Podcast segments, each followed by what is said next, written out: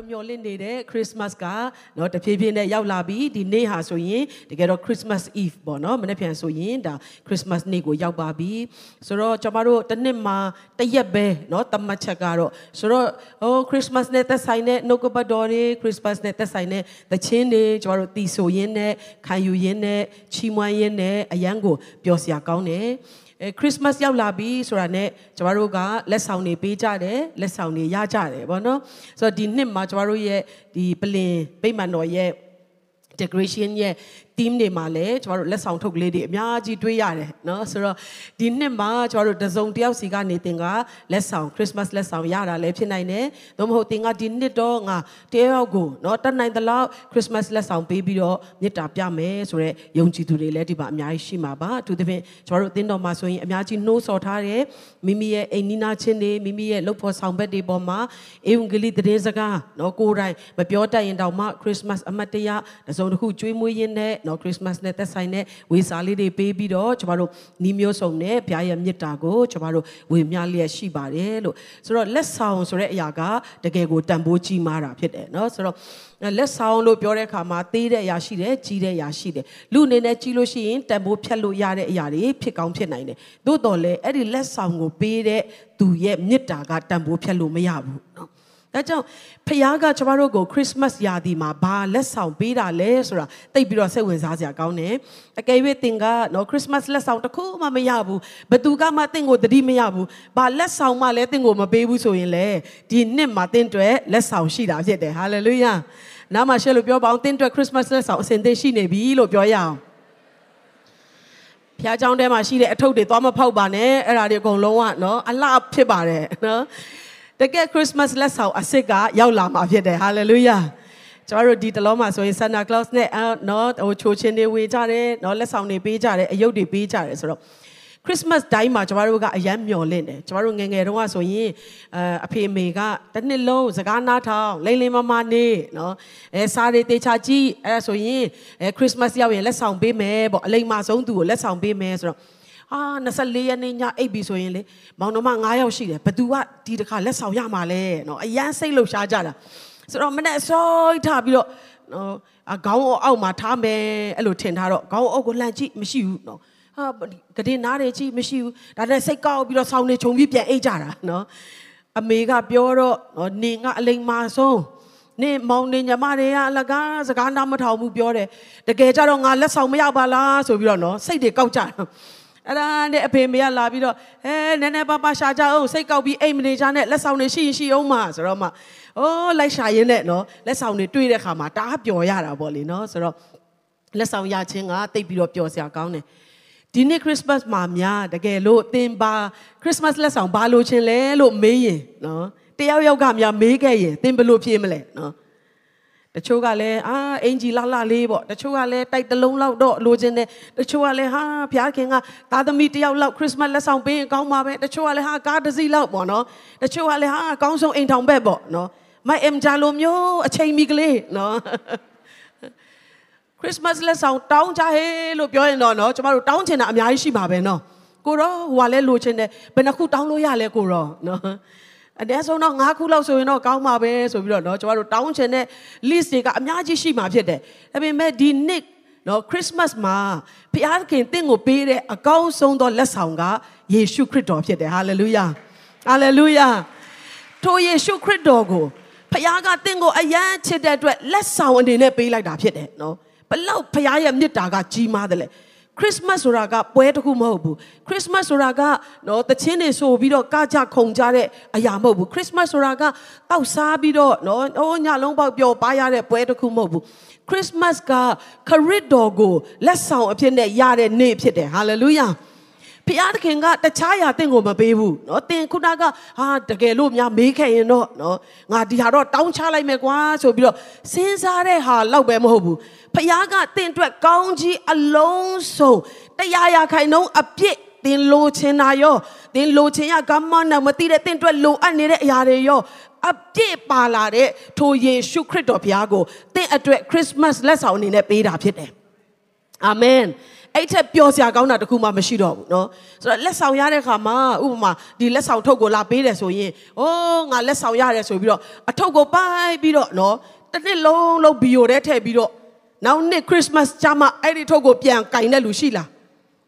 မရှိပါဘူးเนาะလက်ဆောင်ရတာနဲ့ကျမတို့အရင်ဆုံးမလုပ်လဲဖောက်ကြည့်တယ်เนาะအရင်ညီညွတ်တယ်เนาะကျမတို့ဖွဲ့တယ်အာစောင်းတော့မစောင်းနိုင်ဘူးเนาะ အချို့တွေကဖြည်းဖြည်းခွာပါနော်ဟိုထုတ်ထားပိုးထားတာလေးလေးလှပါတယ်ဟာရေမကြည့်ဘူးအထဲမှာပါရှိလေနော်တချို့တွေကနောက်တယ်ဟာထုတ်ထားတာအထက်ထက်ထက်ထက်နော်ဖြီတယ်မထွက်လာဘူးအော်ဒီတခါတော့ရလောက်ပြီးထင်းတယ်ဖြီတယ်မထွက်လာဘူးနော်ဘူးထဲမှာအထုပ်နော်အထုပ်ထဲမှာပလတ်စတစ်နော်ဟာထက်ထက်ထက်ထက်ဖြီရတယ်ဒါပေမဲ့ဘလောက်ပဲခွာရခွာရဘလောက်ပဲဖောက်ရဖောက်ရဘယ်အချိန်ထိကျမတို့သွားလဲဆိုတာအထဲမှာရှိတဲ့လက်ဆောင်ကဘာလဲဆိုတာသိရတဲ့အထိကျမတို့ကသွားတာဖြစ်တယ် ဟာလေလုယာ။ဒါကြောင့်ဒီနှစ်ခရစ်စမတ်မှာသင်ကအိုးခရစ်စမတ်ရောက်လာပြီဖခင်ကငါတို့လောကသားတွေအတွက်ခရစ်တော်ကိုပေးတယ်ဆိုတာတော့မဟုတ်ဘဲနဲ့ဖခင်ပေးတဲ့လက်ဆောင်ဖြစ်တဲ့ထိုခရစ်တော်ရဲ့အထဲမှာသင်အတွက်ဘာတွေပါတယ်လဲဆိုတာစိတ်ဝင်စားသောသူဖြစ်ဖို့ဘုရားကောင်းချီးပေးပါစေစိတ်ဝင်စားရုံမဟုတ်ဘဲနဲ့အပိုင်ရသောသူဖြစ်ဖို့သင်ကိုဘုရားကောင်းချီးပေးပါစေအာမင်ဟာလေလုယာအနာမှာရှေ့လို့ပြောပါအောင်သင်အတွက်လက်ဆောင်ကဘာတွေလဲဆိုတာစိတ်ဝင်စားပါလို့ပြောရအောင်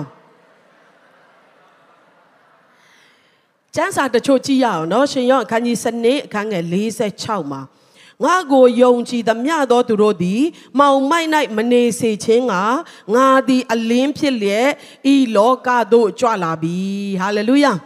တင်တဲ့ချက်နှုတ်ကခရစ်စမတ်လက်ဆောင်ဖြစ်တဲ့ဖျားစီကနေရရှိတဲ့ထိုခရစ်တော်သည်ဘာကိုယူလာတော်သူလဲလို့ပြောရင်အလင်းကိုယူဆောင်လာတော်သူဖြစ်တယ်။သူကိုယ်တိုင်ကအလင်းဖြစ်တယ်။နော်။အလင်းဆိုတဲ့အရာသည်မောင်မိုက်ထဲမှာအလင်းကိုပေးတော့ထိုမောင်မိုက်ကိုဖယ်ရှားစေတော့အရာကအလင်းဖြစ်တယ်။နော်။ကျမ်းစာအဲ့ဒီရှင်ယောဟန်ထဲမှာပဲအခန်းကြီး1အခန်းငယ်9နဲ့10မှာဗာပြောလဲဆိုတော့ဟုတ်မှန်သောအလင်းမူကားဤလောကသို့ကြွလာလျက်ခတ်သိမ်းသောလူအပေါင်းတို့အားအလင်းကိုပေးတော်သူဖြစ်သည်ထိုသူသည်ဤလောက၌ရှိတော်မူပြီးဤလောကကိုလည်းဖန်ဆင်းတော်မူပြီးသို့တော်လည်းဤလောကသည် ထိုသူကိုမသိတဲ့နော်ဆိုတော့လက်ဆောင်တော့ရပြီဖခင်ကကျမတို့ကိုအယမ်းချစ်တဲ့အတွက်သူ့ရဲ့တပါးဒီသောသားတော်ယေရှုကိုလက်ဆောင်ဖြစ်နေကျမတို့ကိုပေးလိုက်တဲ့အရာကခရစ်မတ်ဖြစ်တယ်အဲ့ဒီခရစ်တော်ကိုကျမတို့ဖွင့်ကြည့်လိုက်တဲ့အခါမှာမြင်ရတဲ့အရာကဘာလဲဆိုတော့အလင်းဖြစ်တယ်ဟာလေလုယာ ဒီနေ့ခရစ်တော်ယူဆောင်လာတော့အလင်းကိုရပြီးမှပြန်သွားနိုင်တော်သူဖြစ်ဖို့ဘုရားကောင်းချီးပေးပါစေအလင်းရဲ့တစ်ဖက်မှာကဘာရှိလဲလို့ပြောရင်မှောင်မိုက်ရှိတယ်နော်အဲ့ဒီမှောင်မိုက်ထဲမှာကျမတို့တယောက်မှမသွားလာဖို့ရအတွက်ဘုရားကအလင်းကိုပေးတာဖြစ်တယ်မောင်မိုက်ထဲမှာသင်ရှိနေတာကိုအစင်ပြေတယ်လို့ဘုရားခံစားတယ်ဆိုရင်တော့တကူးတကအဲ့ဒီအလင်းကိုဆေလွတ်မှာမဟုတ်ဘူးနော်မောင်မိုက်ဆိုတဲ့အရာကကျွန်တော်တို့အတွက်ပျော်စရာမကောင်းသောအရာဖြစ်တယ်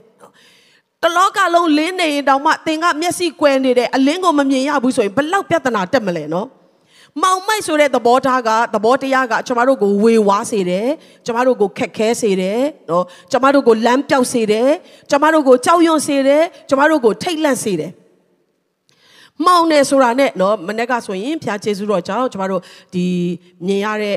လောကမျက်စိနော်အမြင်အာယုံချုပ်ယွင်းတဲ့အဲသားတယောက်နဲ့သမီးတယောက်ဖျားလာရှိခိုးတဲ့ခါမှာ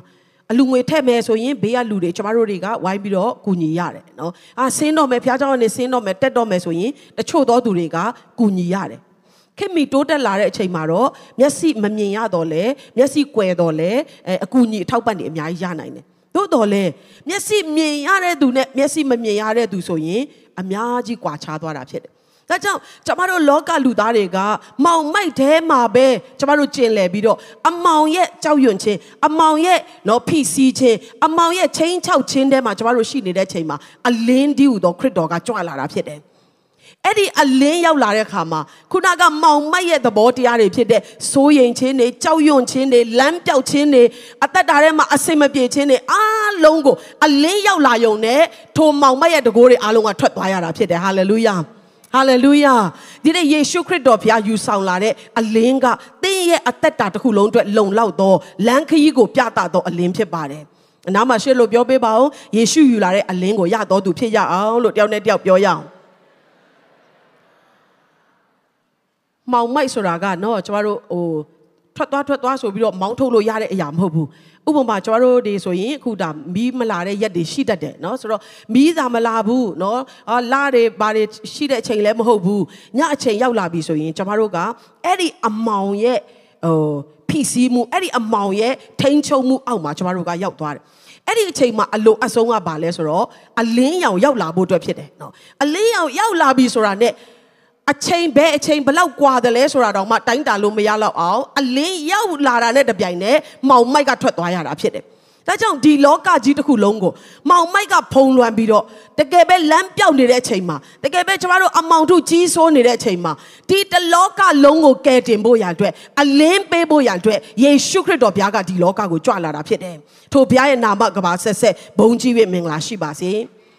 အဲ့ဒီအလင်းကဒီလောကကိုကြွလာတယ်တဲ့ဒါပေမဲ့လောကလူသားတွေကမသိကြဘူးတဲ့နော်ဆိုတော့ကျမတို့ရဲ့မသိချင်းကတခါပြန်ပြီးတော့နော်ကျမတို့ကိုဟန်တားတာဖြစ်တယ်တကယ်တော့ဒီအချိန်မှာတင်တဲ့ကျွန်ုပ်ရဲ့ဝိညာဉ်ရေးရာမောင်မိုက်တွေအတွက်အသက်တာရဲ့မောင်မိုက်တွေအတွက်အလင်းကိုပေးဖို့ခရစ်တော်ကကြွလာပြီးသားဖြစ်တယ်နော်ထိုအရာကိုတင်သိတယ်ဆိုရင်သင်ဟာမောင်မိုက်ရဲ့လွမ်းမိုးမှုအောက်ကနေလွတ်မြောက်တော်သူဖြစ်တယ်ဟာလေလုယာ ယေရှုကအခုမှကြွလာတာမဟုတ်ဘူးလွန်ခဲ့တဲ့နှစ်ပေါင်း2000ကျော်ကလေးကသင်နဲ့ကျွန်ုပ်ကိုအလင်းပေးဖို့ရအတွက်ကြွလာတော်မူသောဖခင်ဖြစ်တယ်။ဟုတ်မှန်သောအလင်းကဒီလောကကိုကြွလာလျက်ခတ်သိမ်းသောလူအပေါင်းတို့ကိုအလင်းကိုပေးတယ်တဲ့။ဟာလေလုယာ။အလင်းကိုပေးတယ်ဆိုတဲ့အခါမှာကျမတို့ကိုလင်းစေယုံเนาะကျမတို့ရဲ့ဝိညာဉ်မျက်စိတွေကိုပွင့်စေယုံကျမတို့ရဲ့မောင်မိုက်တွေကိုဖယ်ရှားပေးယုံမဟုတ်ပဲနဲ့ထိုအလင်းကိုကျမတို့ကိုပေးတော်ဖရားဖြစ်တယ် ဒါကြောင့်အဲ့ဒီလင်းကိုကျမတို့ကတိပြီးတော့လက်ခံတယ်ဆိုရင်ကျမတို့ကိုယ်တိုင်ဒီအလင်းကိုတည်ဆောင်တော်သူများဖြစ်ကြတယ်ဟာလေလုယာအဲကြောင့်ဒီနေ့ခရစ်စမတ်မှာတင်းရဲ့အသက်တာမှာကိုယ်ပိုင်ထိုအလင်းကိုရပြီးတော့အလင်းထဲမှာသွားလာပြီးသူတပားကိုလည်းအလင်းလိုအပ်နေသောသူများကိုလည်းဝေမျှနိုင်သောသူဖြစ်ဖို့ဘုရားကောင်းချီးပေးပါစေဟာလေလုယာအနာမှာရှေ့လို့ပြောပါအောင်ငါတို့ကအလင်းကိုတည်ဆောင်သောသူတွေဖြစ်ကြတယ်လို့ဝန်ခံရအောင်ဒါကြောင့် ဖျားပေးတဲ့လက်ဆောင်ခရစ်မတ်လက်ဆောင်ဖြစ်တဲ့ခရစ်တော်ထဲမှာဘာပါလာလဲလို့ပြောရင်အလင်းပါလာတယ်ထိုအလင်းကအသက်ဖြစ်တယ်လို့အကျမ်းစာကပြောတယ်ဒါကြောင့်အလင်းဒီဟုသောထိုအသက်ကိုရသောသူများဖြစ်ဖို့ဘုရားကောင်းချီးပေးပါစေနောက်ထပ်ကျမ်းစာတစ်ပိုက်ကိုကြည့်ရအောင်ရှင်မသက်ခန်းကြီး1အခန်းငယ်27မှာ သားယောက်ျားကိုဖွားမြင်လိမ့်မည်ထိုသားသည်မိမိလူတို့ကိုအပြစ်မှကယ်ချွတ်မိသူဖြစ်သောကြောင့်ယေရှုဟုသောအမိဖြင့်မှဲ့ရမည်ဟုကောင်းကင်တမန်ဆို၏တဲ့နော်ဒီတခါဖျားကိုယ်တိုင်တင်တဲ့ကျွန်ုပ်ကိုပေးလိုက်တဲ့ခရစ်မတ်လက်ဆောင်ဖြစ်တဲ့ခရစ်တော်ရဲ့အထဲမှာဘာပါလာလဲလို့ပြောရင်ကယ်တင်ခြင်းပါလာတယ်အာမင်ဟာလေလုယာ ကယ်တင်ခြင်းကိုတည်ဆောင်လာတာကယေရှုခရစ်တော်ဖျားဖြစ်တယ်။ဒါဆိုရင်ဘယ်ထဲကနေကယ်တင်တယ်လဲလို့ပြောရင်အပြစ်ငရဲထဲကနေကယ်တင်တာဖြစ်တယ်။ ဒီနေ့ကျမတို့တွေကဗိမာန်တော်ထဲမှာထိုင်ကြတယ်တချို့သောသူတွေကနှစ်ပေါင်းများစွာခရိယန်ဖြစ်ပြီးသားလည်းဖြစ်ကောင်းဖြစ်နိုင်တယ်သို့တော်လည်းဒီနှစ်ခရစ်မတ်မှာဖျားပေးတဲ့လက်ဆောင်ဖြစ်တဲ့ခရစ်တော်ကိုအပိုင်ရသောခရစ်မတ်ခရစ်မတ်ဖြစ်စေရအောင်ဟာလေလုယာခရစ်တော်ယူဆောင်လာသောကယ်တင်ခြင်းကိုကိုယ်ပိုင်ရသောနေ့ဖြစ်စေရအောင်ဘာကြောင့်လဲလို့ပြောရင်ကယ်တင်ခြင်းရခြင်းနဲ့မရခြင်းဟာတစ်ချိန်မှာတင်တဲ့ကျွန်ုပ်ကိုလွန်စွာကွဲပြားစေမှာဖြစ်တယ် ယေရှုကကယ်တင်ဖို့ရအတွက်ကြွလာတယ်တဲ့နော်ဒါကြောင့်သူ့ရဲ့နာမည်ကိုယေရှုလို့မဲ့ရမယ်တဲ့ကယ်တင်တယ်ဆိုကြတဲ့ဘယ်ထဲကနေကယ်တင်တယ်လဲဆိုတာစိတ်ဝင်စားစရာကောင်းတယ်အပြစ်တရားထဲကနေအပြစ်ငရဲထဲကနေကျမတို့ကိုကယ်တင်တော်ဖရာဖြစ်တယ်အပြစ်လို့ပြောလိုက်တာ ਨੇ ကျမတို့လောကလူသားအားလုံးကမလွတ်မြောက်နိုင်တော့လူသားတိုင်းကိုဆွဲချပြီးတော့ငရဲကိုခေါ်သွားမယ့်အရာကနော်အပြစ်ဖြစ်တယ် ဆိုတော့တချို့သောသူတွေကမေးကြတယ်ဒါဆိုရင်ကျွန်တော်ကကျမကအပြစ်ရှိသလားတဲ့နော်ကိုကိုကိုကြည့်ရင်တော့အပြစ်မရှိဘူးလို့ထင်တာပဲတဲ့ဆိုတော့အပြစ်ရှိကြောင်းကျမတို့ကဘယ်ရာအားဖြင့်သိတာတလဲလို့ပြောရင်နော်ကျမအမြဲတမ်းပြောသလိုပဲ အာရန်နဲ့အေဝါကဖျားစကားနားမထောင်တဲ့အခါမှာသူတို့ဒီအပြစ်ပြုတ်တော်သူဖြစ်လျက်တေချင်းလမ်းကိုရွေးချယ်တော်သူများဖြစ်ကြတယ်ဆိုတော့အာရန်နဲ့အေဝါကအပြစ်သားဖြစ်သွားတဲ့အခါမှာဖျားစကားနားမထောင်ခြင်းအားဖြင့်သူတို့ဒီဖျားနဲ့ဆက်ဆံလို့မရတော့တဲ့မတန့်ရှင်းတဲ့အပြစ်သားတွေဖြစ်သွားတဲ့အခါမှာအာရန်နဲ့အေဝါအားဖြင့်မွေးလာသောကျွန်တော်ကျမအယောက်စီတိုင်းဒီအပြစ်သားအဖြစ်နဲ့ပြစ်ပါပြီးသားနဲ့မွေးလာတာဖြစ်တယ်ဟုတ်ကချင်လူမျိုးတယောက်နဲ့ ကချင်လူမျိုးတယောက်နဲ့အိမ်ထောင်ချပြီးတော့နော်အဲတယောက်တယောက်မွေးလာတယ်ဆိုတာဖြစ်မဖြစ်နိုင်ဘူးနော်ဖြစ်လာတယ်ဆိုရင်တော့တခုခုတော့ထူခြားမှုရှိတယ်လို့သတ်မှတ်ရမှာဖြစ်တယ်နော်ခွေးတကောင်နဲ့ခွေးတကောင်နဲ့နော်ယူပြီးတော့အခုဆိုရင်ခွေးတွေကိုနော်သားတွေသမီးတွေခေါ်ပြီးတော့အိမ်မှာအကြီးကျယ်မွေးကြတယ်ဆိုတော့အိမ်ထောင်ချပြီးတော့ဆိုပါတော့နော်အဲတခါတည်းဟိုဗာလဲမြောက်ကလေးတကောင်ထွက်လာတယ်ဆိုတာလောကမှာမရှိပါဘူးနော်ဆိုတော့ ကျမတို့ဒီချမ်းစာရကြည့်မယ်ဆိုရင်မွေးကလေးကအပြစ်ပါလာတော့သူများဖြစ်ကြတယ်ဘာဖြစ်လို့လဲကျမတို့ရဲ့အဖေအမေကျမတို့ရဲ့အဖိုးအဖွားအရင်ကိုစစ်ကြည့်လိုက်ရင်လူအာဒံနဲ့အေဝါကအပြစ်သားဖြစ်ခဲ့တဲ့အတွက်ကျမတို့အားလုံးဟာအပြစ်မလောက်ခင်မှာကတည်းကအပြစ်သားဖြစ်နဲ့မွေးလာပြီးသားဖြစ်တယ်ကိုကအပြစ်လုံးမအပြစ်သားဖြစ်သွားတာမဟုတ်ဘဲနဲ့မွေးကလေးကအပြစ်သားဖြစ်တဲ့အတွက်အပြစ်ကိုလှုပ်တက်သွားတာဖြစ်တယ်နော် မွေးလာတာနဲ့ကဲနင်ကဆဲတက်ဖို့အရင်တင်နော်နော်နင်ကဒီလိုမျိုးခိုးတတ်ဖို့သူများကိုမနာလိုဖြစ်တတ်ဖို့တင်တန်းတစ်ခုမှပေးစရာမလိုဘူးဒီထဲမှာရှိပြီးသားဟာတွေကသူ့အရွယ်အလိုက်တစ်ခုပြီးတစ်ခုတစ်ခုပြီးတစ်ခုထင်ရှားလာတယ်နော်ဟန်ဆောင်လို့တောင်မရလောက်အောင်ကျမတို့ရဲ့ဗီဇတွေကအချိန်တန်လာတဲ့ခါမှာတက်တည်ပြလာတယ်တရက်တီးတီးလာတဲ့ခါကျမှအော်ဒါကတရက်ပင်ပါလားလို့ပြောရတာမဟုတ်ဘဲနဲ့တရက်ပင်ဖြစ်တဲ့အတွက်အချိန်တန်တဲ့ခါမှာတရက်တီးတီးတာဖြစ်တယ် ဒါကြောင့်ကျမတို့ကကြိုက်ကြိုက်မကြိုက်ကြိုက်အပြစ်သားများဖြစ်ကြတယ်အပြစ်သားများသည်ကောင်းကင်မှာဘုရားခင်နဲ့တူတန့်ရှင်းသောဘုရားနဲ့တူစိုးစံခွင့်လုံးဝမရှိဘူးအပြစ်သားများသွားရမယ့်နေရာသည်ငရဲဖြစ်တယ် လုံးဝလွတ်လန်းမရှိတဲ့ထာဝရငရဲတဲ့ကိုကျွန်တော်တို့သွားရမယ့်အခါမှာတခြားနီလန်းနဲ့ရွေးနှုတ်ဖို့ကဲတင်ဖို့တခြားလမ်းကြောင်းမရှိတော့တဲ့အခါမှာဖျားသခင်ကသူ့ရဲ့အချစ်ဆုံးသောတပါးဒီသောသားတော်ကိုဒီလောကကိုစေလွတ်လျက်ကျွန်တော်တို့ကိုကဲတင်စေတာကကြီးမားလွန်းတဲ့ဖျားရဲ့မြတ်တာဖြစ်တယ်ဟာလေလုယာ ဟာလေလုယာအဲ့ဒီကယ်တင်ခြင်းဟာတင့်အတွက်လည်းပါတာဖြစ်တယ်လူသားတိုင်းအတွက်လို့ပြောတော့ကြောင့်တင့်အတွက်ကယ်တင်ဖို့ကြွလာတာကယေရှုခရစ်တော်ဘုရားဖြစ်တယ်နားလည်နိုင်ဖို့ဘုရားကောင်းကြီးပေးပါစေဝမ်းမြောက်စွာနဲ့တယောက်နဲ့တယောက်နှုတ်ဆက်ရအောင်ယေရှုရဲ့ကယ်တင်ခြင်းဟာငါအတွက်ဖြစ်တယ်မိတ်ဆွေတင့်အတွက်လည်းဖြစ်တယ်လို့တယောက်နဲ့တယောက်နှိုးဆော်ကြရအောင် တခြားຢာတွေပေးတယ်ဆိုရင်ပျောက်ပြက်သွားနိုင်သေးတယ်နော်ဒါပေမဲ့ထိုယေရှုခရစ်တော်ဖခင်ရဲ့လက်ဆောင်ဖြစ်တဲ့ခရစ်တော်ထဲမှာပါလာသောအရာကကယ်တင်ခြင်းတနည်းအားဖြင့်ထာဝရအသက်ဖြစ်တယ်အားလုံးပြောကြည့်အောင်ထာဝရအသက်ထာဝရဆိုတာဘာလဲအဆုံးမရှိသောအရာဖြစ်တယ်ဟာလေလုယာ အဲ့ဒီယေရှုအားဖြင့်သူ့ရဲ့ကယ်တင်ခြင်းရွေးနှုတ်ခြင်းအားဖြင့်ကျမတို့ကထာဝရအသက်ကိုရသွားတဲ့အခါမှာအဲ့ဒီအသက်ဒီသားတော်၌ပါတာဖြစ်တယ်အဲ့ဒီအသက်ဒီထာဝရဖြစ်တယ်အပြစ်ရှိတော်လေယေရှုအားဖြင့်ကျမတို့ကလွတ်မြောက်ရတယ်ဟာလေလုယာ ကျမတို့ကငရဲကိုသွားဖို့လုံလောက်သောအပြစ်တွေကိုပြုတော်လဲယနေ့ဖွားမြင်ခြင်းကိုခံတော်မူသောယေရှုခရစ်တော်ဘုရားသည်လောကလူသားများကိုကယ်ချွတ်သောဘုရားဖြစ်သောကြောင့်သူရဲ့ကယ်တင်ခြင်းအဖြစ်ကျမသည်တနေ့မှာဒီလောကကနေထွက်သွားတဲ့အခါမှာသေချာပေါက်ထာဝရအသက်ကိုရလျက်ထာဝရကောင်းကင်ဘုံမှာဘုရားခင်တဲ့သူစိုးစံရမှာဖြစ်တယ်ဟာလေလုယာကျမ်းစာကဘာပြောလဲဆိုတော့လူဟာတခါတည်းပဲသိတယ်တဲ့အဲ့ဒီနောက်မှာတရားစီရင်ခြင်းကိုခံရတယ်တဲ့နော် တရားစီရင်မဲ့ဖရားကတည့်ရဲ့နေ့စဉ်လှုပ်သောအရာတွေကိုသိသောဖရားဖြစ်တယ်အခုမှကျွန်တော်တို့ CCTV တွေတက်ထားတယ်နော်ဖရားကြောင်ထဲမှာအော်တကယ်လို့များမပြောကောင်းမဆိုကောင်းအာတခါတည်းတယောက်ယောက်ကနော်စိတ်ကူးပေါက်ပြီးတော့အာသူများပစ္စည်းတစ်ခုလောက်မသွားတယ်ဆိုပါတော့နော်ခိုးတယ်လို့တော့မပြောပါဘူးမသွားတယ်နော်အဆင်ပြေလို့နော်နည်းနည်းသဘောကျလို့မသွားတယ်ဆိုရင်ကျမတို့ကဘာလုပ်လို့ရလဲဟာ CCTV တွေချိချချိချနော်အိုးဒီနားလေးကဒီနားလေးကတယောက်ကဒီအချိန်မှာဒီလိုလှုပ်သွားတာပြန်ကြည့်လို့ရတယ် ဖခင်ရဲ့မျက်စိက CCTV ထက်ပိုကောင်းတယ်။တင်းရဲ့လှုပ်တဲ့အရာတွေအားလုံးကိုသူမြင်တယ်နော်။ဆိုတော့တနေ့မှတရားစီရင်မဲ့ပလင်တော်ရှေ့မှာကျမတို့ရောက်သွားတဲ့ခါမှာနော်။ဒီအချိန်မှာတော့ကယ်တင်ရှင်မလို့တလို့လို့နော်အပြစ်မလုတ်ထားတဲ့လူလို့လို့ကျမတို့နေကြပေမဲ့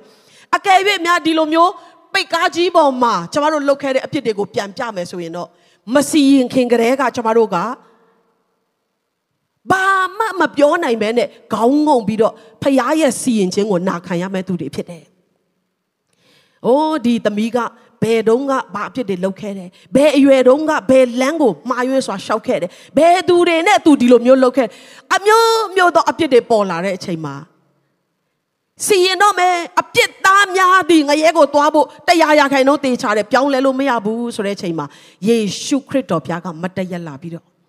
ဒီသမီးကမှားယွင်းခဲ့တာမှန်တယ်အပြစ်တွေအများကြီးလုပ်ခဲ့တာမှန်တယ်ဒါပေမဲ့ယေရှုဖြစ်တဲ့ကယ်တင်သောအရှင်ကျွန်ုပ်သည်သူ့ရဲ့အပြစ်တွေအားလုံးအတွက်လက်ဝါးကားတိုင်းပေါ်မှာကိုစားအသေးခံခဲ့ပြီးပြီကိုရောဖယားကသူ့ကိုအပြစ်ကြောင့်စီရင်မယ်ဆိုရင်ယနေ့ကျွန်ုပ်ရဲ့သွန်းခဲ့တဲ့အသွေးကို ပြန်ပြီးတော့တက်တည်ထူပါတယ်လို့ယေရှုကတင့်အတွက်မတ်တရက်ပေးမဲ့ဖယားဖြစ်တယ်ဟာလေလုယာဟာလေလုယာ ယေရှုဒီလောကကိုကြွလာတာကလေကောင်းတဲ့သူတွေကိုလိုက်ရှာပြီးဆုချဖို့မဟုတ်ဘူးအပြစ်သားတွေကိုလိုက်ရှာပြီးကယ်တင်ဖို့ကြွလာတော့ဖရားဖြစ်တယ်မလွတ်မြောက်နိုင်သောကျွန်တော်ကျမတို့ကိုလွတ်မြောက်ခြင်းလမ်းကိုခေါ်ဆောင်ဖို့ကြွလာတော်မူသောခရစ်တော်ဖြစ်တယ်ဟာလေလုယာဟာလေလုယာထိုခရစ်တော်ကိုလက်ခုပ်တီးလက်အသက်တပတ်ပြန်လဲချီးမြှောက်ကြရအောင်ကောင်းသောသူတွေအတွက်ပဲလာတယ်ဆိုရင်ခရစ်စမတ်ကကျမတို့အတိတ်ပဲမရှိဘူးချမ်းသာသောသူတွေအတွက်ပဲခရစ်တော်ကြွလာတယ်ဆိုရင်ကျမတို့ဒီခရစ်စမတ်ကဝမ်းနည်းစရာပဲ ရုပ်ချောတဲ့လူတွေအတွက်ပဲပညာတတ်တဲ့လူတွေအတွက်ပဲလူတချို့အတွက်ပဲဆိုရင်ကျမကမပါဘူးဆိုရင်တော့ဒီခရစ်မတ်ကအတိတ်ပဲတစ်ခုမှမရှိဘူးသို့တော်လေအပြစ်ရှိမှန်းကိုကိုကိုတည်ပြီးမလွတ်မြောက်နိုင်သောကျမအတွက်ကဲတင်သောအရှင်ဖွားမြင်လာတဲ့အခါမှာတော့ဒီခရစ်မတ်ဟာဘာမှမရှိရင်လည်းအရန်ပျော်စရာကောင်းတယ်ဟာလေလုယာ ဟာလေလုယာတချင်းဆိုခွင့်မရရင်လည်းပျော်စရာကောင်းတယ်ကယ်ရိုလက်ခွင့်မရရင်လည်းပျော်စရာကောင်းတယ်ညလုံးပေါက်ဘုရားကျောင်းမှာထိုင်ပြီးဝိပုကိုးကိုယ်လို့မရလဲပျော်စရာကောင်းတော့မယ်ဘာလို့လဲတလောကလုံးဝမ်းမြောက်ဖို့လို့ပြောတဲ့ခါမှာတလောကလုံးမှာရှိတဲ့အပြစ်သားများယေရှုကြွလာခြင်းအဖြစ်ငရဲတကားပိတ်ပြီးတော့ကောင်းကင်တကားပွင့်တော်နေ့ဖြစ်တယ်ဟာလေလုယာလက်ခုပ်တီးလက်ဘုရားရဲ့မြစ်တာတော်ကဲတင်ခြင်းတရားအတွက်ယေရှုတော်ကိုချီးမွမ်းရအောင်ဒါကြောင့် သားယောက်ျားကိုဖွားမြင်လိုက်မယ်တဲ့ထိုသားကိုယေရှုလို့မဲ့ခေါ်ပါတဲ့ယေရှုဆိုတဲ့နာမရဲ့အတိတ်ဘယ်ကကိုကကယ်တင်တော်အရှင်အပြစ်ကနေကယ်ချွတ်တော်ဖခင်ဟာလေလုယာဒါကြောင့်ကျမတို့ကတသက်လုံးအပြစ်တရားရဲ့အုပ်ဆိုးခြင်းထဲမှာပင်ပန်းစွာဝမ်းနည်းစွာတင်ရင်လဲထာဝရငရဲကိုရောက်ဖို့ရအတွက်နေတိုင်းကျမတို့ခေါင်းတော်မထောင်နိုင်မဲနဲ့ခါကုန်းပြီးတော့ဝင်ထုတ်ကိုထမ်းပြီးတော့ရှောက်လန်းနေရတဲ့ဘဝအသက်တာထဲကနေဝင်ထုတ်တွေပေါ်ပါပြီးတော့ အပြစ်သားဘဝကနေဖျားသားဟာလေလုယာမတန့်ရှင်းသောသူကနေဖြောင်းမတ်တန့်ရှင်းသောသူလိုအပ်ချက်တွေအများကြီးနဲ့မွေးဖွားလာသောဘဝကနေအလုံးစုံပြည့်စုံသောအသက်တာနဲ့ယနေ့ရှောက်လန်းနိုင်တာကကြွလာသောခရစ်တော်ရဲ့ယူဆောင်လာတဲ့ကယ်တင်ခြင်းတရားကြောင့်ဖြစ်တယ်အာမင်ထိုကယ်တင်ခြင်းတရားကိုသင်မရသေးဘူးဆိုရင်ယနေ့သင်ရဲ့အပိုင်ဖြစ်ဖို့ဘုရားကောင်းချီးပေးပါစေ။ နောက်ထပ်ကျမ်းစာလေးတစ်ပိုက်ကိုကျွန်မဖတ်ချင်တယ်တိတ်ရောအခန်းကြီး3အခန်းငယ်8 B မှာဖြစ်ပါတယ်အောက်ပိုင်းလေးဖြစ်ပါတယ်မာန၏အမှုတို့ကိုပယ်ဖြတ်ခြင်းကဘုရားသခင်သားတော်သည်ထင်ရှားပေါ်ထွန်းတော်မူ၏ဟာလေလုယာယေရှုကြွလာတဲ့အခါမှာသူက agenda ရှိတယ်နော်အပျော်လာတာမဟုတ်ဘူးလောကကိုလာတဲ့အခါမှာအစီအစဉ်မရှိဘဲနဲ့အမတ်တမဲ့ဒုံးဆိုပြီးတော့ကြလာတာမဟုတ်ဘူးနော်သူ့မှာလှုပ်ဆောင်ရမယ့်အရာများနဲ့တကွသူကလာတာဖြစ်တယ်အဲ့ဒီကျမတို့ကို ခရစ်မတ်မှာဘုရားခင်ကမေတ္တာနဲ့ပေးလိုက်တဲ့လက်ဆောင်ဖြစ်တဲ့ခရစ်တော်ထဲမှာဘာပါလာလဲဆိုတော့အဲ့ဒီခရစ်တော်ဒီမာနရဲ့အမှုရာများကိုဖျက်ဆီးဖို့ရန်အတွက်ကြွလာတော်ဘုရားဖြစ်တယ်အာမင်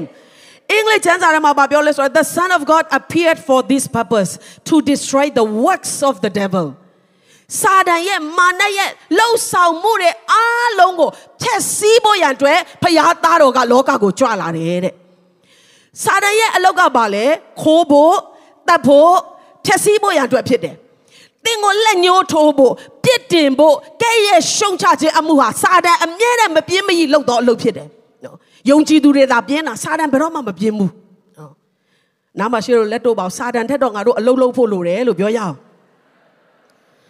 ဝင်ခံချက်တွေဝင်ခံပါမဝင်ခံဘူးနော်။ ဆူတောင်းကြပါတနေ့ကို15မိနစ်ကျွန်တော်တို့မတောင်းနိုင်ဘူးเนาะကျန်းစာတနေ့ကိုတစ်ခန်းလောက်တော့ဖတ်ပါမဖတ်နိုင်ဘူးစာတန်ကတော့အရန်အလုပ်စူးစားတယ်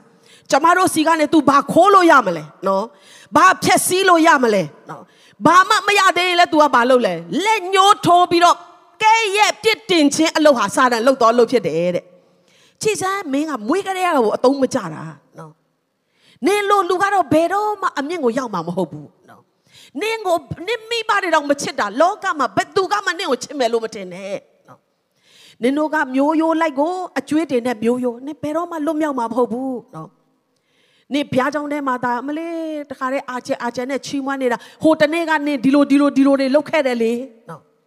ကျမတို့ရဲ့ငြိမ်သက်ခြင်းတွေကိုခိုးဖို့ကျမတို့ရဲ့ဝမ်းမြောက်ခြင်းတွေကိုခိုးဖို့ဖခင်ထဲမှာရှိတဲ့ကျမတို့ရဲ့စိတ်ချမှုတွေကိုခိုးဖို့တစ်ချိန်လုံးစာတန်ကစ조사နေတယ် ကျမတို့ရဲ့ကိုယ်ပိုင်ခွန်အားနဲ့စာတန်ကိုတွန်းလှန်ဖို့တခါတလေမှာအားနေသောအချိန်တွေရှိမှာပါသို့တော်လေဒီနေ့ကြွလာတော်မူသောဖွားမြင်ခြင်းကိုခံတော်ဖယားသားတော်ယေရှုကဒီလောကကိုကြွလာတဲ့ခါမှာတဲ့အလားပြဖို့ကြွတာမဟုတ်ဘူးနော်သင်နဲ့ခဏလောက်လက်ဖက်အတူတောက်ဖို့လောက်လာတာမဟုတ်ဘူးသင်ရဲ့အသက်တာပေါ်မှာအမြဲတမ်းအလုံးလုံးနေတဲ့စာတန်ရဲ့လှုပ်ဆောင်မှုအားလုံးကိုဖျက်ဆီးဖို့ရတဲ့သူကကြွလာတာဖြစ်တယ်ဟာလေလုယာဟာလေလုယာ သသင်မကောင်းဘူးလို့စာတန်လက်ညှိုးထိုးလိုက်တိုင်းမှာယေရှုကဘာပြောလဲငါအားဖြင့်သူဟာလူကောင်းဖြစ်တယ်။အော်မင်းကမဖြောင်းမနိုင်ဘူးလို့စာတန်ကပြောလိုက်တိုင်းမှာဒီလူဟာဒီသားဟာဒီသမီးဟာငါအားဖြင့်တရားရခိုင်တော့ဖြောင်းမတ်တော်သူဖြစ်တယ်ဟာလေလုယာ။ထိုယေရှုရဲ့ဖြစ်စည်းခဲ့တဲ့စာတန်ရဲ့လှုပ်ဆောင်မှုအလုံးဟာသင်အတွက်ဖြစ်ပါတယ်။ဒီနေ့သင်မိသားစုအတွက်ဖြစ်ပါတယ်ဟာလေလုယာ။ တင်မလွတ်မြောက်နိုင်တဲ့စာတန်ရဲ့ချီနှောင်ထားတဲ့အမျိုးမျိုးအထက်ထက်သောချီနှောင်ခြင်းတွေကနေလွတ်မြောက်သောခရစ်စမတ်ဖြစ်ဖို့ဘုရားကောင်းချီးပေးပါစေ။စာတန်ကတခါတလေမှနော်ကျမတို့ကိုအိုးလင်မယားတွေသဘောတူပြီးဆူတောင်းရင်တောင်းသမျှရမယ်ဆိုတာသိတော့တယောက်နဲ့တယောက်နော်ဟိုကျမတို့ငယ်ငယ်တုန်းကပြောတဲ့စကားအရဆိုရင်3နဲ့4နော်ဒီမှာ3ဒီမှာ4နော်ကျမတို့မြန်မာမြန်မာလို့မြန်မာကဏ္ဍတဲ့3နဲ့4ဖြစ်အောင်နော်စိုက်ကားစီးတယ်လို့ဖြစ်အောင်ကျမတို့ကိုလှုပ်တာနော် အိုးတယောက်နဲ့တယောက်မကြည့်ချင်ဘူးနော်။လက်တွဲပြီးဆူတောင်းရင်ရမယ်ဆိုတာသိတယ်မတောင်းချင်ဘူး။ဆိုတော့စာတန်ကဘာမှလှုပ်ရှားမလို့တော့ဘူး။ကျမတို့ရဲ့သဘောမတူခြင်းကစတင်ပြီးတော့အလုံးလုံးလာတယ်နော်။သားသမီးတွေကိုကောင်းချီးပေးရမယ်စာကျမတို့ကကြိမ်ဆဲတက်လာတယ်။ကျမတို့အချင်းချင်းချစ်ရမယ်စာမုံတီတက်လာတယ်။ဒီຢာလေးကိုသူကထဲ့လိုက်တဲ့အခါမှာအဲ့ဒီဟာကအဲ့ဒီအစိတ်ကပြန်နှံ့ပြီးတော့ကျမတို့ရဲ့အသက်တာတစ်ခုလုံးကရိတ်သိမ်းခြင်းတွေကမကောင်းသောအရာတွေကြီးပဲရိတ်သိမ်းရတာဖြစ်တယ်။ ဒီနေ့ယေရှုနာမနဲ့ယုံကြည်ဝင်ခံတယ်သင်နဲ့သင်မိသားစုပေါ်မှာတော်လကောင်းအသင်းတော်ပေါ်မှာတော်လကောင်းမာနရဲ့လှုပ်ဆောင်သောအလုပ်တွေအားလုံးဖြည့်ဆည်းဖို့ကြွလာသောယေရှုခရစ်တော်အားဖြင့်ဒီနေ့ခရစ်မတ်ဟာကျမတို့အလုံးစုံလွတ်မြောက်သောခရစ်မတ်ဖြစ်တယ်ဟာလေလုယာလက်ခုပ်တီးပြီးတော့အတည်ပြုရအောင်မိသားစုမညီညွတ်ခြင်းစာတန်ရဲ့လှုပ်ဆောင်ချက်တွေယေရှုအားဖြင့်ဖြည့်ဆည်းပြီးသားဖြစ်တယ်ဟာလေလုယာ မိသားစုထဲမှာမူရစေဝါဆွဲပြီးတော့မလွတ်မြောက်နိုင်ခြင်းတွေဒီနေ့ယေရှုကဖြတ်တောက်ပြီးသားဖြတ်စည်းပြီးသားဖြစ်တယ်ဟာလေလုယာငွေကြေးဘယ်တော့မှမလောင်ငါပဲနဲ့တစ်ချိန်လုံးအကျွေးယူရတယ်နှစ်သိရောက်ရင်လည်းငါတို့ကတော့အကျွေးထဲမှာပဲရှိအောင်မယ်ဆိုတဲ့မာယွင်သောယက်တီမှုနဲ့အတွေးခေါ်တွေအားလုံးယေရှုနာမနဲ့ဖြတ်စည်းပါတယ်ဟာလေလုယာဟာလေလုယာလက်ခုပ်တီးလက်အားရပါရဘုရားကိုချီးမွမ်းရအောင် လူအားဖြင့်ကျွန်မမပြောနိုင်ပေမဲ့တင်းရဲ့တက်တာထဲမှာမာနကလှုပ်ဆောင်နေတဲ့ချီနှောင်ထားတဲ့နော်စာတန်ရဲ့လှုပ်ဆောင်ချက်တွေအားလုံး the works of the devil နော်တခုတည်းမဟုတ်ဘူးခိုးဖို့တတ်ဖို့ဖျက်ဆီးဖို့ကြံစီနေတဲ့စာတန်ရဲ့လှုပ်ဆောင်ချက်တွေစာတန်ခိုးသွားတဲ့တင်းရဲ့ကျမ်းမာရေးတွေစာတန်ခိုးသွားတဲ့တင်းရဲ့ဆက်ဆံရေးတွေကောင်းမွန်တဲ့အရာတွေအားလုံးဒီနေ့ယေရှုကပြန်လဲသိမ့်ပိုက်ပေးပြီးပြီဖြစ်တယ်စာတန်ကအလုတ်လောက်ခွင့်မရှိတော့ဘူးစာတန်ရဲ့အလုတ်တွေအားလုံးကိုယေရှုကဖျက်ဆီးပြီးပြီဖြစ်တယ် hallelujah ကျမ်းစာကတိကျပြောတယ်မာနရဲ့အမှုတို့ကိုပယ်ဖြတ်ခြင်းကဖခင်သားတော်ယေရှုကလောကကိုကြွလာတယ်တဲ့ဟာလေလုယာဟာလေလုယာယေရှုကငါလာတာသင်ရဲ့တက်တာထဲမှာခဏခဏသင်ကိုဖမ်းချုပ်ပြီးတော့မကောင်းတဲ့ရက်ကိုခေါ်ဆောင်တဲ့ခဏခဏသင်ကိုချီနှောင်တဲ့เนาะသင်မလှုပ်ချင်မဲနဲ့သွားနေရတဲ့เนาะသင်ရဲ့လက်တွေသင်ရဲ့ခြေထောက်တွေ နော်ဒီလိုမျိုးငါတွေးခေါ်နေတာမကောင်းဘူးတင်းရဲ့သားနဲ့အကြိမ်ကြိမ်မလွတ်မြောက်နိုင်တဲ့တင်းရဲ့မာယွင်းတဲ့အတွေးခေါ်တယ်ဒါကြီးကငါဆွဲလန်းနေတာမကောင်းဘူးလို့တင်းရဲ့သားနဲ့စာတန်ကအချိန်ကြိမ်တင်းကိုဆွဲခေါ်ပြီးတော့မကောင်းသောဆွဲလန်းခြင်းထဲမှာပို့ဆောင်တဲ့အရာတွေယနေ့ဖခင်ကဖျက်ဆီးပြီးပြီဖြစ်တယ်ဟာလေလုယာဟာလေလုယာလွတ်မြောက်တော်သူများလက်ခုပ်တီးပြီးတော့အတည်ပြုကြရအောင်ဝင်ခံမောင်းငါဟာလွတ်မြောက်တော်သူဖြစ်တယ်ငါတို့မိသားစုကလွတ်မြောက်သောမိသားစုဖြစ်တယ်ဟာလေလုယာ မျိုးရိုးချိန်ချင်းနဲ့အားလုံးလည်းယေရှုနာမ၌ဖြတ်တောက်ပါတယ်အသက်တိုစေသောຢာတွေအနာရောဂါတွေစာရန်ရဲ့လက်နဲ့ဖြစ်လာသောမကောင်းသောຢာတွေအားလုံးယေရှုနာမ၌ဖြတ်တောက်ဖယ်ရှားပါတယ်ဟာလေလုယာယေရှုကြွလာတာကလေကျမတို့အတွက်ကျမတို့တောင်မှမတိလိုက်တဲ့အချိန်မှာမတိသေးခင်မှာပြည့်စုံစွာကယ်တင်ဖို့ဒီလောကကိုကြွလာတာဖြစ်တယ်။ဒါကြောင့်ခရစ်စမတ်ကတိတ်ပျော်စရာကောင်းတယ်။နောက်မှရှေ့လို့ပြောပါအောင်သင်ဟာတရားရာခိုင်နှုန်းလွတ်မြောက်တော်သူဖြစ်တယ်လို့ပြောရအောင်။ စာတန်ကလိန်လည်ခွင့်မရှိတော့ဘူးဟာလေလုယာစာတန်ကပြစ်တင်ခွင့်မရှိတော့ဘူးစာတန်ကခိုးခွင့်မရှိတော့ဘူးခိုးရင်သူကခုနစပြန်ပေးဖို့အတွက်ဖြစ်တယ်ဟာလေလုယာဒါကြောင့်ဒီနှစ်မှာ2023မှာသင်ဆုံးရှုံးခဲ့တဲ့အရာတွေအားလုံးယေရှုနာမနဲ့ခုနစပြန်လဲသိမ့်ပိုက်ပါတယ်ဟိုးဟာလေလုယာဟာလေလုယာဟာလေလုယာစာတန်ကလိန်ခဲ့တာလုံလောက်ပြီသူကကျမတို့မသိဘူးထင်ပြီးလိန်ခဲ့တာအခုကျမတို့သိသွားပြီ ကြွလာတော်မူသောခရစ်တော်ကသူ့ကိုအလုံးလုံးခွင့်လုံးဝမပေးဘူးသူ့ရဲ့အလုံးတွေအားလုံးကိုဖျက်ဆီးပြီးသားဖြစ်တယ်ဟာလေလုယာအားလုံးကိုကြေမွစေပြီးသားအားလုံးကိုဖျက်တောက်ပြီးသားဖြစ်တယ်ဆိုတာယုံကြည်ပြီးတင့်အတွက်လက်ခံနိုင်ဖို့ဘုရားကောင်းကြီးပေးပါစေဒါကြောင့်တိယောခန်းကြီးလေးအခန်းငယ်6နဲ့10မှာနော်သားတော်အားဖြင့်ငါတို့ဒီအသက်ရှင်စေခြင်းကဖျားသခင်ဒီတပါးတည်သောသားတော်ကိုဤလောကသို့ဆေလွတ်တော်မူသောအရာ၌ငါတို့ကိုချစ်တော်မူသောမေတ္တာသည်ထင်ရှားလျက်ရှိ၏ သားတော်အားဖြင့်ကျမတို့ကဘာကိုရဖို့လဲလို့ပြောရင်အသက်ရှင်ဖို့ရအတွက်တဲ့ဟာငါအသက်ရှင်နေတာပဲသင်မမတည်သေးတာလို့သင်ပြောကောင်းပြောလိမ့်မယ်သင်ရဲ့ဝိညာဉ်ဟာခရစ်တော်ကိုမရဘူးဆိုရင်သေပြီးသားဖြစ်တယ်စီရင်ချင်းကိုခံပြီးသားဖြစ်တယ်ငါရဲကိုသွားဖို့အတွက်တရားရခိုင်တော့တေချပြီးသားမွေးလာတယ်သို့တော်လဲသားတော်အားဖြင့်ငါတို့သည်အသက်ရှင်စေခြင်းကဖျားသခင်ဒီတပါးတည်သောသားတော်ကိုဤလောကသို့ဆေလွတ်တာကိုကြည့်မယ်ဆိုရင်တဲ့ ဖျားခင်ရဲ့ကြီးမားလွန်းတဲ့မေတ္တာတော်ကိုမြင်ရတယ်ကျွန်မစဉ်းစားကြည့်တဲ့တခြားနီလန်းများရှိရင်တော့ဖခင်ကလည်းယေရှုကိုတော့လောကကိုဆေလွတ်မှာမဟုတ်ဘူးဒါပေမဲ့သင်လွတ်မြောက်ဖို့သင်ငရဲကိုမသွားရဖို့သင်စာရန်ရဲ့လက်ကနေပြီးတော့လုံးဝတရားရခိုင်လုံးလွတ်မြောက်ပြီးတော့ကောင်းကင်သားတယောက်ဖြစ်ဖို့ဖခင်နဲ့ပြန်လဲပြီးတော့ချိတ်ဆက်နိုင်ဖို့ရအတွက်တခုဒီသောလမ်းကယေရှုခရစ်တော်ဖခင်ဖြစ်တဲ့ခါမှာသင်ကိုလက်လွတ်ဆုံးရှုံးမခံနိုင်တဲ့ဖခင်ရဲ့မေတ္တာကသ င်ငရဲကိုသွားတာကိုကြည့်ပြီးတော့နော်မခံစားနိုင်တဲ့ဖခင်ရဲ့မေတ္တာလုံးဝမနေနိုင်တော့တဲ့ခါမှာရွေးချယ်စရာမရှိဘူးဒီတလန်းပဲဒါကြောင့်သူ့ရဲ့တပါးဒီသောသားတော်ကိုသ င်အသက်ရဖို့ဒီလောကကိုဆေလွတ်လိုက်တာကိုကြည့်မယ်ဆိုရင်သင်အပေါ်မှာထားတဲ့ဘုရားရဲ့ကြီးမားတဲ့မေတ္တာကိုမြင်ရတယ်ငါတို့ဒီဘုရားသခင်ကိုချစ်ကြသည်ဟုမဆိုဘုရားသခင်ဒီငါတို့ကိုချစ်၍ငါတို့၏အပြစ်ဖြေစရာအကြောင်းဖြစ်စေခြင်းကသားတော်ကိုဆေလွတ်တော်မူသောအရာ၌ချစ်ခြင်းမေတ္တာရှိ၏ဒီနေ့ခရစ်မတ်မှာဘုရားခင်ကျမတို့ကိုပေးလိုက်တဲ့လက်ဆောင်ကသူ့ရဲ့တပါးဒီသောသားတော်ယေရှုခရစ်တော်ဘုရားဖြစ်တယ်။သူပေးတဲ့လက်ဆောင်ကပေါ်ပေါ်လောလောလက်ဆောင်မဟုတ်ဘူး။ သူပေးတဲ့လက်ဆောင်ကတခြားတနေရာကနေတဲ့အစားထိုးပြီးဝယ်လို့ရတဲ့အရာမဟုတ်ဘူး။ထိုယေရှုခရစ်တော်အားဖြင့်သာလျှင်ကျမတို့ဒီလွတ်မြောက်နိုင်မယ်။ထာဝရအသက်ကိုရမယ်။လောကမှာလည်းကောင်းခြင်းမင်္ဂလာခံစားရမယ်။ဒါကိုသူစဉ်းစားတဲ့အခါမှာသားတော်ကိုဆေလွတ်မလား။လောကလူသားတွေကိုငရဲတဲ့ကိုသွားတာကိုပဲဒီတိုင်းလက်လွတ်လိုက်မလား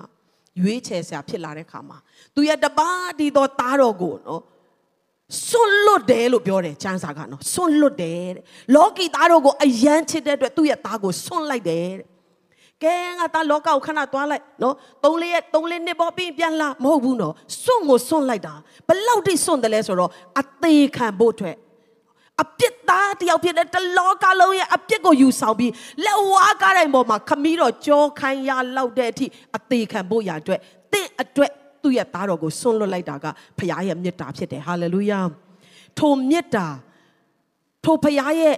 ကြီးမားလွန်တဲ့အဆုံးအစမရှိတဲ့အဂဘေမေတ္တာကိုသင်နားလည်တယ်ဆိုရင်သူပေးတဲ့လက်ဆောင်ဖြစ်တဲ့ခရစ်တော်ကိုယနေ့ဝမ်းမြောက်စွာသင်အတွက်နော်လက်ခံဖို့ရန်အကောင်းဆုံးသောနေ့ဖြစ်ပါတယ်ချစ်တော်မိတ်ဆွေသင်ကခရိယန်ဖြစ်တာအရန်ကြာပြီဖြစ်ကောင်းဖြစ်နိုင်တယ်သို့တော်လေအိုးဖခင်ကငါ့ကိုတိတ်ချစ်လို့ငါစဉ်းစားနိုင်တာထက်ပိုပြီးတော့လိုအပ်သမျှပြည့်စုံတဲ့ လက်ဆောင်ဖြစ်တဲ့ခရစ်တော်ကိုငါအတွက်ပေးလိုက်တာပါလားငါလက်ခံမှရမယ်ဆိုတာကိုယနေ့သင်တကယ်နားလည်တယ်ဆိုရင်လူရှိဖျားရှိမှာထိုခရစ်တော်ကိုကျွန်ုပ်ရဲ့အသက်တကယ်ကယ်တင်ရှင်ဖြစ်တယ်လို့လက်ခံကြည့်ပါထိုဖျားသည်သူ့ကိုလက်ခံသောသူတိုင်းရဲ့အသက်တာထဲမှာဝင်လာပြီးတော့ကောင်းချီးပေးသောဖျားဖြစ်တယ်ယောဟန်ခန်းကြီး1ခန်းငယ်၄နဲ့5မှာထိုနှုတ်ကပတ်တော်၌အသက်ရှိ၏ထိုအသက်သည်လည်းလူတို့၏အလင်းဖြစ်၏ထိုအလင်းသည်မောင်မိုက်၌လင်း၍မောင်မိုက်သည်မခံမယူဘလောက်ဝမ်းနည်းစရာကောင်းလဲနော်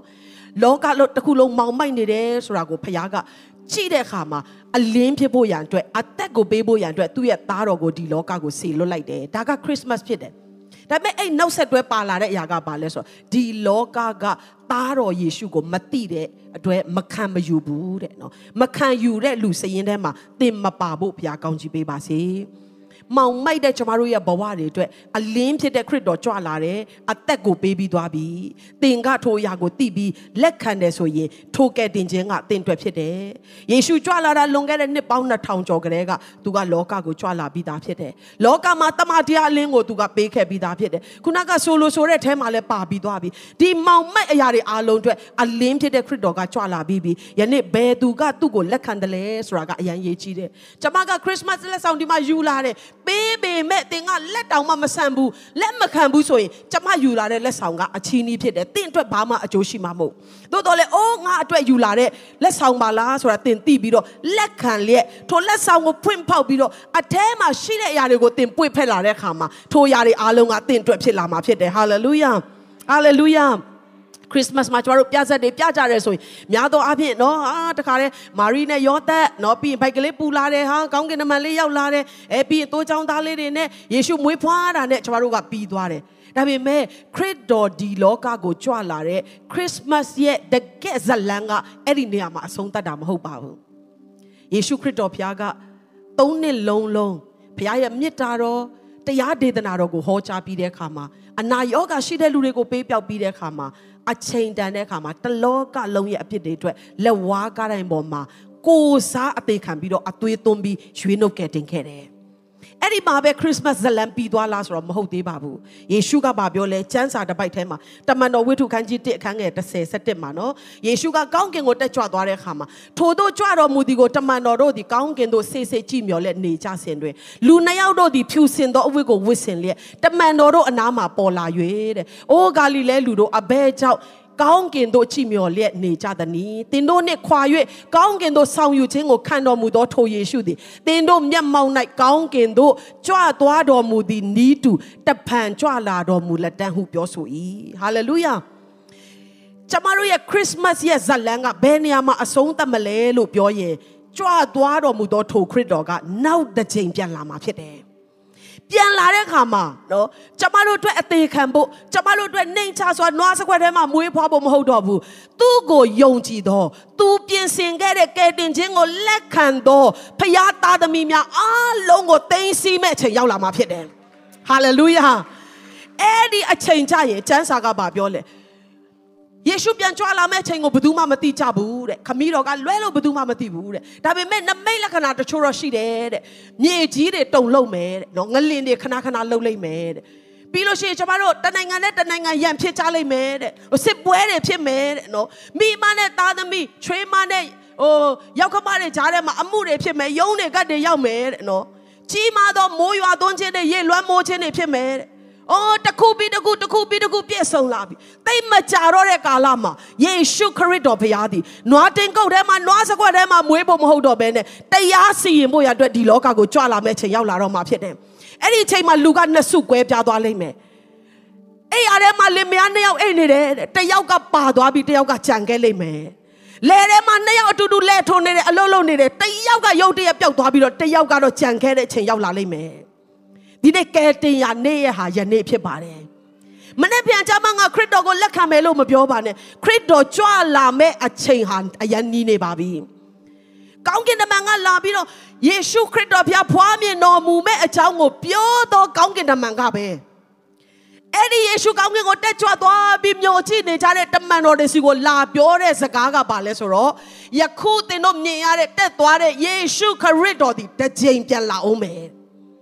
ထိုကောင်းကင်တမန်ကတားယောက်ျားဖွားမြင်မယ်လို့ပြောတဲ့အချိန်မှာမှန်ကန်ခဲ့တယ်ဆိုရင်နောက်တစ်ခါယေရှုကြွလာမယ်လို့ပြောသောစကားလည်းမှန်ကန်အောင်မှာဖြစ်တယ်အဲ့ဒီစကားအဲ့ဒီဂတိတော်ဟာမကြာတော့တဲ့ကာလမှာပြည့်စုံလာမှာဖြစ်တယ်အဲ့ဒီအချိန်မှာကျမတို့ရဲ့ကောင်းမှုကုသိုလ်ကကျမတို့ကိုမကယ်တင်နိုင်တော့ဘူး။ အော်ငါရဲ့အဖိုးကအမှုတော်ဆောင်ဖြစ်တယ်။ငါရဲ့အဖိုးကသာသနာပြုဖြစ်တယ်ပြောလို့မရတော့ဘူး။တင်းရဲ့ကိုယ်ပိုင်ရွေးချယ်မှုကိုကြည့်ပြီးတော့မျက်စိတမိတ်လျက်တစ်ပြက်အတွင်းမှာကျမတို့ဒီရှိတဲ့နေရာကနေကျမတို့အတွက်အသေးခံတော်မူသောခရစ်တော်လာခေါ်တဲ့အခါမှာပါသွားမဲ့သူတွေဖြစ်တယ်ဟာလေလုယာ။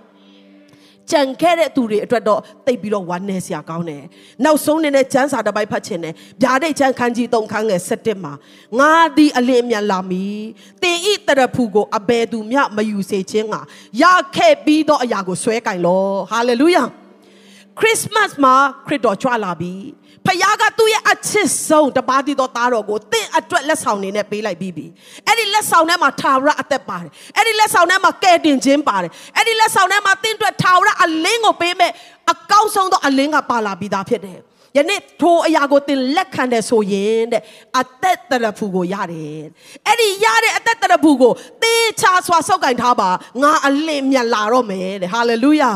ဟာလေလုယာယနေ့လောကမှာခက်ခဲခြင်းတစ်ခုခုနော်သို့မဟုတ်လို့ရှင်သင်ရဲ့နာမည်ကြော်ချမှုတစ်ခုအတွက်သို့မဟုတ်သင်ရဲ့စီးပွားရေးတစ်ခုအတွက်သင်ရဲ့ယာဒူးတစ်ခုအတွက်သင်ရရှိထားသောအသက်တရဖူကိုလွတ်မချလိုက်ပါနဲ့